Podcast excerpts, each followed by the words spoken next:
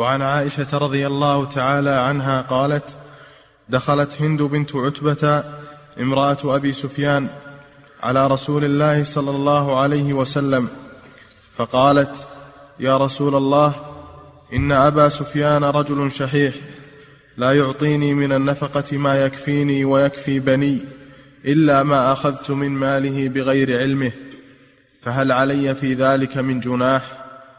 فقال رسول الله صلى الله عليه وسلم خذي من ماله بالمعروف ما يكفيك ويكفي بنيك. نعم هذه هند هند بنت عتبة بن ربيعة القرشية أم معاوية بن أبي سفيان وأم يزيد بن أبي سفيان وهي امرأة عربية شهمة فيها شهامة فيها قوة.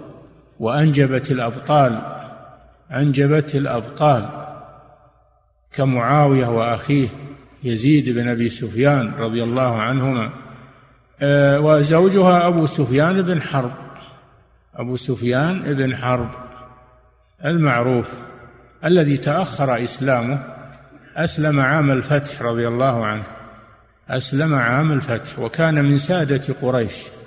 بل لما قتل زعماء قريش في بدر صار هو من بعدهم هو الزعيم. إلى أن من الله عليه بالإسلام فأسلم عام الفتح. جاءت هند بنت عتبة إلى رسول الله صلى الله عليه وسلم تشتكي فتقول إن زوجها أبا سفيان رجل شحيح. شحيح يعني بخيل مع حرص الشح والبخل مع الحرص.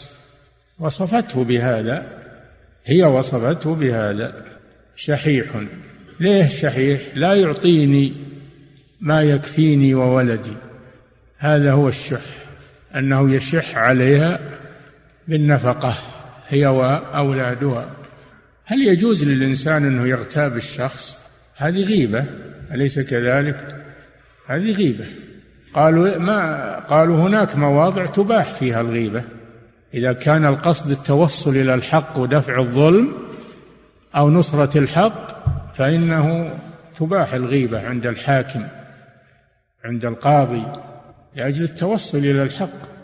فهي ليس قصدها التفكه بعرض أبي سفيان وإنما قصدها الوصول إلى حقها وذكرت السبب فقط ذكرت السبب ولم تقصد التنقص إنما تقصد التوصل إلى حقها. فهذا فيه دليل على أن المشتكي والمتظلم أنه يذكر ما في خصمه من الظلم والعدوان لأجل أن يتوصل إلى حقه. وليس هذا من الغيبة المذمومة. ليس من الغيبة المذمومة هذا مستثنى. فقال لها النبي صلى الله عليه وسلم خذي ما يكفيك وولدك بالمعروف. هذا فيه دليل على أن المرأة لا تأخذ من مال زوجها إلا بإذنه أو بإذن الحاكم ما تأخذ من مال زوجها إلا بإذنه أو بإذن الحاكم الشرعي لأن هندا جاءت إلى الرسول صلى الله عليه وسلم ما أخذت مع أنها يمكنها أنها تأخذ لكن ما أقدمت على هذا إلا بعد أن جاءت إلى الرسول صلى الله عليه وسلم.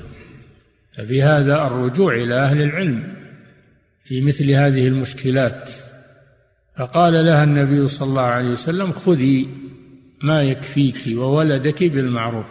مش علاقة هذا في باب القضاء علاقته أن الرسول حكم على أبي سفيان. سمع دعوى هندا وحكم على أبي سفيان وهو غايب. قالوا فهذا فيه دليل على جواز الحكم على الغائب إذا استدعى الأمر هذا لئلا تضيع الحقوق ولا كان الواحد يتغيب ويختفي وتضيع الحقوق. فإذا علم أنه سيحكم عليه جاء ولا يصير هذا يفتح الباب للمحتالين ويختفون ويسافرون وتضيع الحقوق. فالحكم على الغائب هذا حكم به الرسول صلى الله عليه وسلم على أبي سفيان. هذا وجه سياق المؤلف لهذا الحديث في باب القضاء وهو حجة لمن قال يقضى على الغائب. وإذا جاء الغائب وطلب إعادة النظر فله ذلك له ذلك ما يسد الباب عليه. فإذا جاء وأجاب عن دعوى المدعي بجواب صحيح فإنه على حقه فإنه على حقه. فيحكم على الغائب وإذا حضر وعنده شيء خفي على الحاكم فإنه يبديه والحاكم يغير حكمه وإنما قضى على الغائب من باب الحاجة والضرورة ودفع حاجة المضطر وهذا في سد باب على المحتالين الذين يتهربون من القضاء ومن الحكم عليهم إذا علموا أن الحاكم سيحكم عليهم ما ما اختفوا ولا ولا تحيلوا. ومن العلماء من يقول لا هذا ما هو من باب القضاء هذا من باب الإفتاء. هذا من باب الإفتاء لأن القضاء لا بد من سماع جواب المدعى عليه هذا الأصل في القضاء.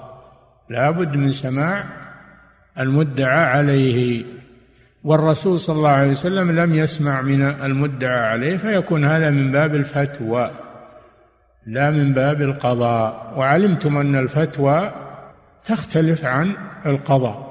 الفتوى هي بيان الحكم من غير إلزام. وأما القضاء فهو بيان الحكم مع الإلزام.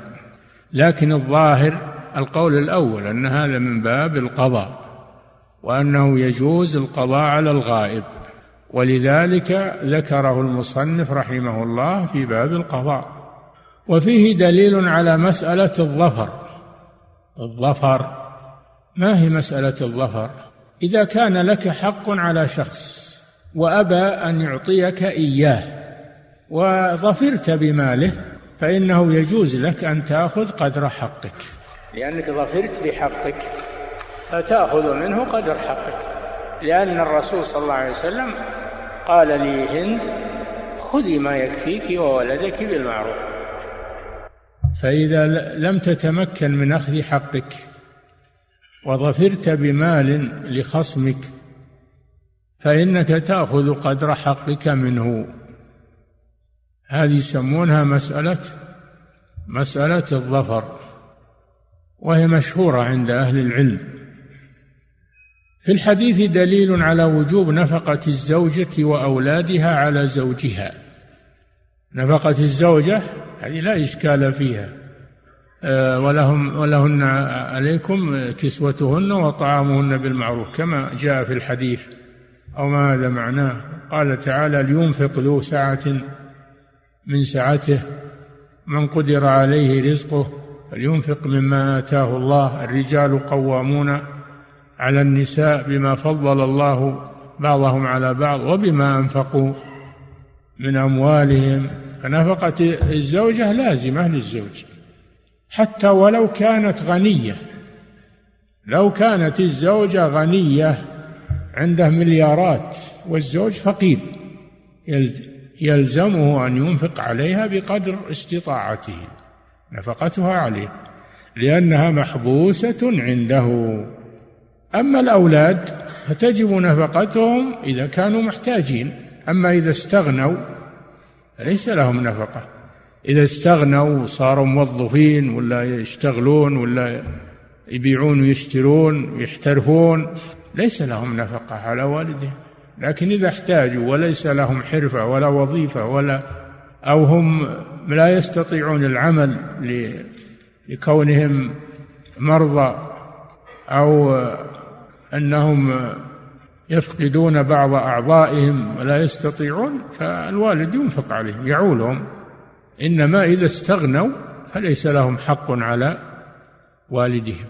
وفي الحديث دليل على أن النفقة لا لا حد لها وإنما يرجع فيها إلى العرف إلى العرف.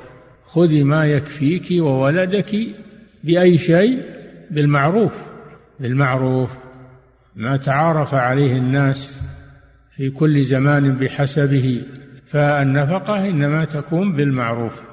فهذا فيه الإحالة على العرف في بعض الأمور التي لم يحددها الشارع. الشارع الحكيم لم يحددها لأن الأوقات تختلف والأشخاص يختلفون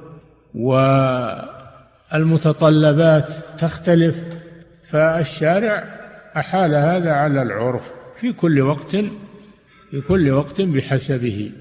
فهذا بعض ما يدل عليه حديث هند بنت عتبة رضي الله عنها. وهو حديث عظيم وفيه مسائل عظيمة. نعم. صلى الله إليكم سماحة الوالد. يقول السائل قال بعض الشراح بأن شح أبي سفيان رضي الله تعالى عنه إنما كان في النفقة على أهله لا مطلقا حتى لا يستأنسوا بالدنيا لا أنه بخيل في سائر الأمور. فهل هذا صحيح؟ ما أدري والله. وش يدريه عن هذا هو؟ وش اللي يدراه؟ يعرف أبا سفيان وعاصر أبا سفيان. نعم. أحسن الله إليكم سماحة الوالد. يقول السائل هل يجوز للمرأة أن تتصدق من مال زوجها بدون علمه؟ إذا وقف على بابها فقير يريد طعاما وهي تعلم عدم إذنه. الأشياء اليسيرة ما في مانع. تأخذ من مال زوجها الأشياء اليسيرة. مثل إعطاء سائل عند الباب لقمة أو تمرة أو الأشياء اليسيرة لا بأس بها إنما شيء كثير هذا لا لابد من إذن من إذنها وإذن الحاكم الشرعي. نعم.